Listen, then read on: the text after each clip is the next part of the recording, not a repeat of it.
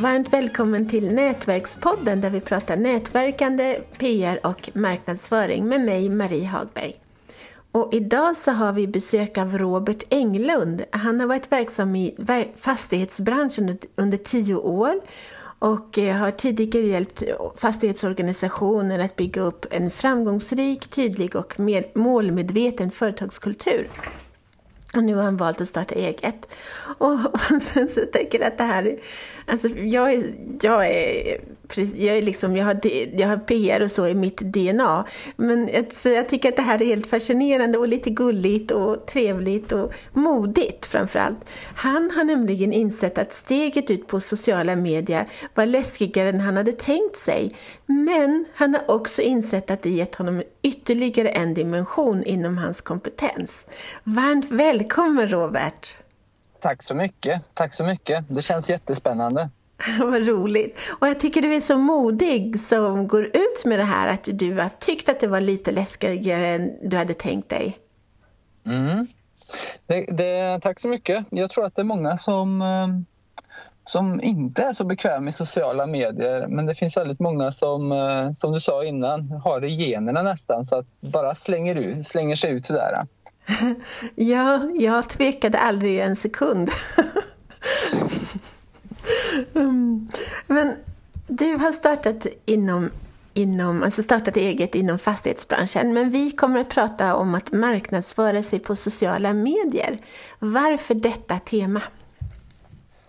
Ja, jag tror att alla som följer den här potten vet att sociala medier är liksom där man ska marknadsföra sig. När jag startade mitt bolag då var jag nog beredd på att jag behöver ge mig ut på sociala medier. Men jag hade nog inte riktigt förstått vilken kraft som finns där ute och vilket mod som krävs för att man faktiskt ska våga ta det steget. För alltså idag kan ju egentligen vem som helst marknadsföra sig i ganska stor skala utan att egentligen betala några större summor när jag var ny på sociala medier jag nog uppskattat om det fanns någon som liksom kunde förbereda mig för det här steget och gett mig några tips och, och budskap.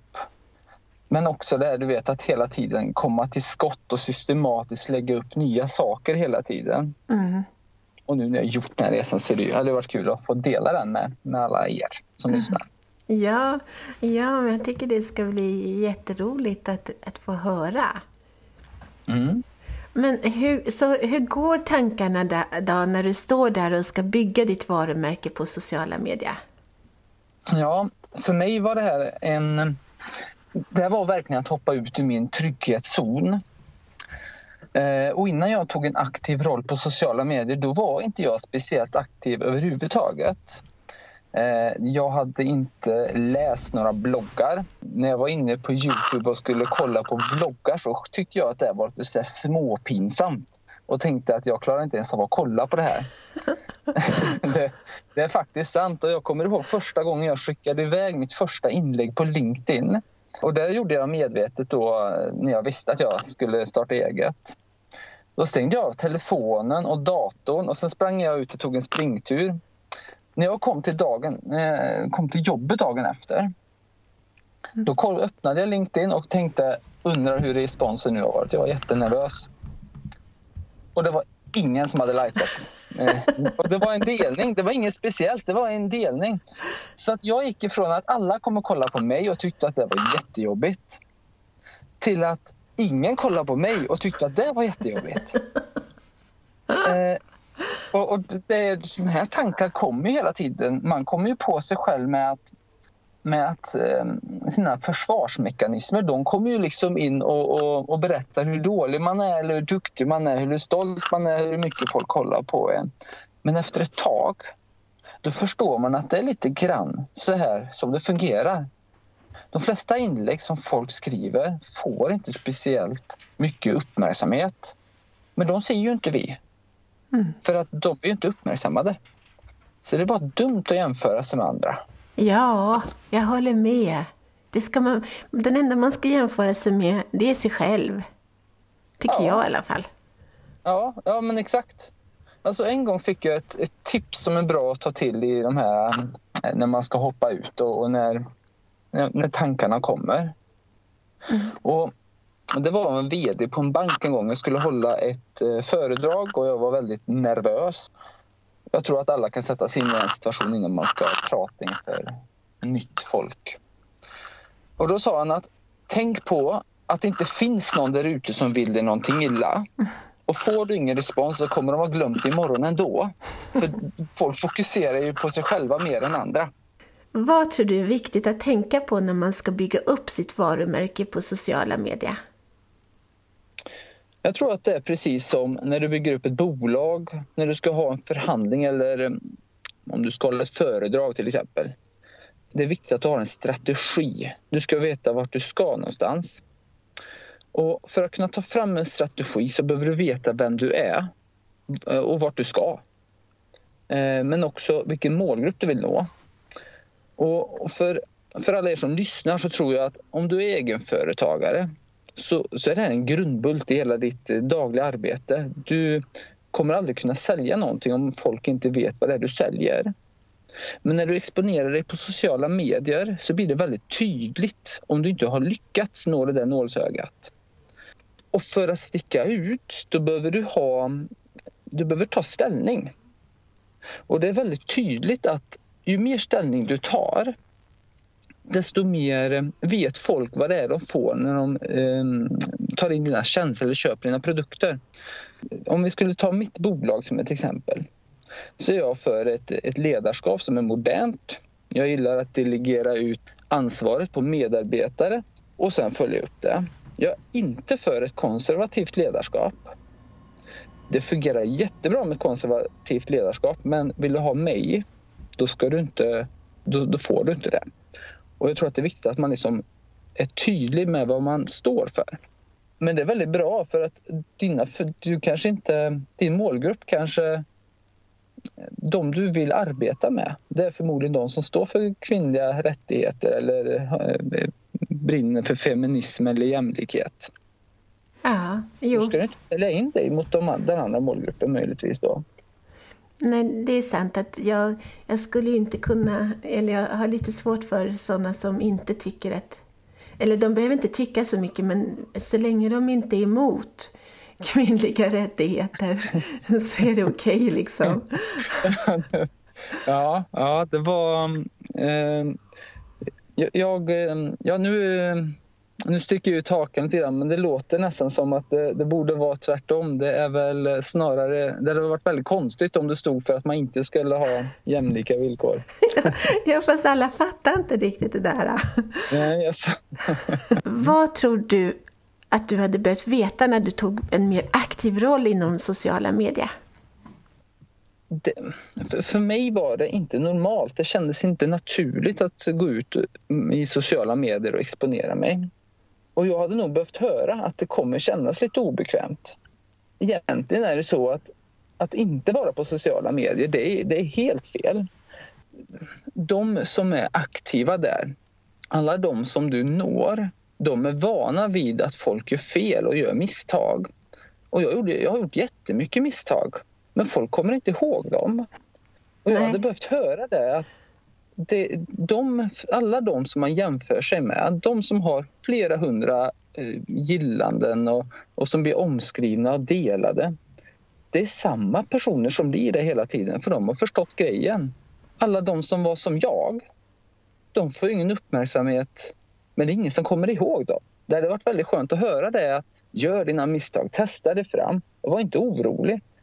Men var strukturerad, bygg upp ett varumärke över tid och så kommer, kommer det här efter ett tag. Ja, det gör det. På både gott och ont. Ja, självklart. Ja, det, det, ja, men det är verkligen på gott och ont för du får väldigt mycket uppmärksamhet. Och det kan ju såklart gå åt båda hållen. Ja. Men eh, hur, hur gjorde du för att komma över den här tröskeln att publicera dina första inlägg och bilder och sånt där? Jag, eh, jag fick tipset att eh, sätta en ambitionsnivå. Och den ambitionsnivån skulle inte vara speciellt stor. Eh, utan det, de, eh, jag, jag, gick först och främst... Det är väldigt många som stöttar en. Eh, väldigt många som vill hjälpa en. Och det första jag gjorde det var att gå ut på LinkedIn och be om en, en mentor inom sociala medier. Så I dagsläget har jag en 16-årig tjej som, eh, som bollar, bollar fantastiska idéer med mig. Bra! Superbra! Det kan jag ge alla som, eh, alla som vill ut fråga era barn eller fråga någons barn eller hör er runt om i bekantskapskretsen. För det finns så mycket folk under 20 år som är helt fantastiska på hur det här fungerar. Ja, visst. Och det var min väg över tröskeln. Men det jag gjorde då det var att skriva ett blogginlägg och publicera det på LinkedIn och sen skriva någonting ytterligare på LinkedIn. Det man ska bestämma sig för det är att det är aldrig okej okay att inte publicera de datumen och de tider man planerar innan. Man ska alltid följa den rutinen för annars kommer de här försvarsmekanismerna. Jag ska bara göra någonting annat. Det här är väldigt viktigt att jag gör just nu. Jag skickar in det imorgon. Ungefär som jag känner inför träning. exakt så. Exakt så som även jag känner inför träning. Så kände jag också inför sociala medier. Ja. Ja men gud vilket bra förslag, alltså vilka bra råd! Jag skulle också vilja ha en 16-åring helt plötsligt som hjälper mig. Men jag, jag, måste, ge dig, jag måste ge dig ytterligare tips. Ah. Det är, och det här, om man ska göra någonting som verkligen ger publicitet. Man kanske inte ska börja där, men man måste skicka ut, man måste börja vlogga eller göra videos. Det, det, det får jättebra respons. Mm. Men om man ska ut med det, då, då vem som helst kan vara nervös inför en sån tillfälle spela in, gör massa inspelningar men bestäm dig för en och lägg ut den. Mm. Och mitt första inlägg, som, eller min första video jag la ut, den blev katastrof. Inget, jag stammade, det blev inget bra. Jag skäms fortfarande när jag kollar på det. Mm. Men sen var plåstret borta. Ja. Sen var det bara att köra. Gud så bra. Jag, jag eh, jag tycker själv inte om att bli... Jag är gärna med på TV, det är inga problem. Och jag har varit med massor av gånger TV4s morgonsoffa och ettan och tvåan och trean och femman och alla möjliga TV-kanaler har jag varit med massa gånger. Men, men så TV tycker jag är helt okej. Okay. Men video, nej, där går gränsen. ja, men det där är konstigt. Jag gillar, det är min favoritsyssla om jag får säga det själv, att prata. Ah. Men sen när folk spelar in det har bevis på att jag pratat, det är det värsta jag Vad oh, roligt. ja, men stort tack Robert för att du var med och ville dela med dig av dina erfarenheter. Det var jätteroligt att höra. Ja, självklart. Tack så mycket. Det här avsnittet presenterades av Hjälp en journalist. Tycker du också att det är obehagligt att bli filmad? Då är det din lyckliga dag idag. Du kan få en film gjord men slippa pressen att bli filmad. Istället förvandlar vi dina existerande bilder till film.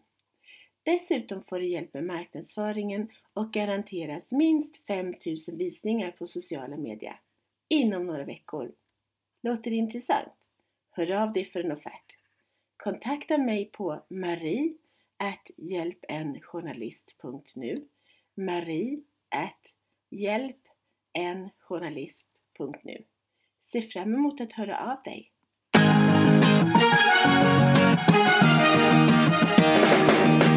Tack för att du har lyssnat på Nätverkspodden om nätverkande, PR och marknadsföring med Nina Jansdotter och Marie Hagberg.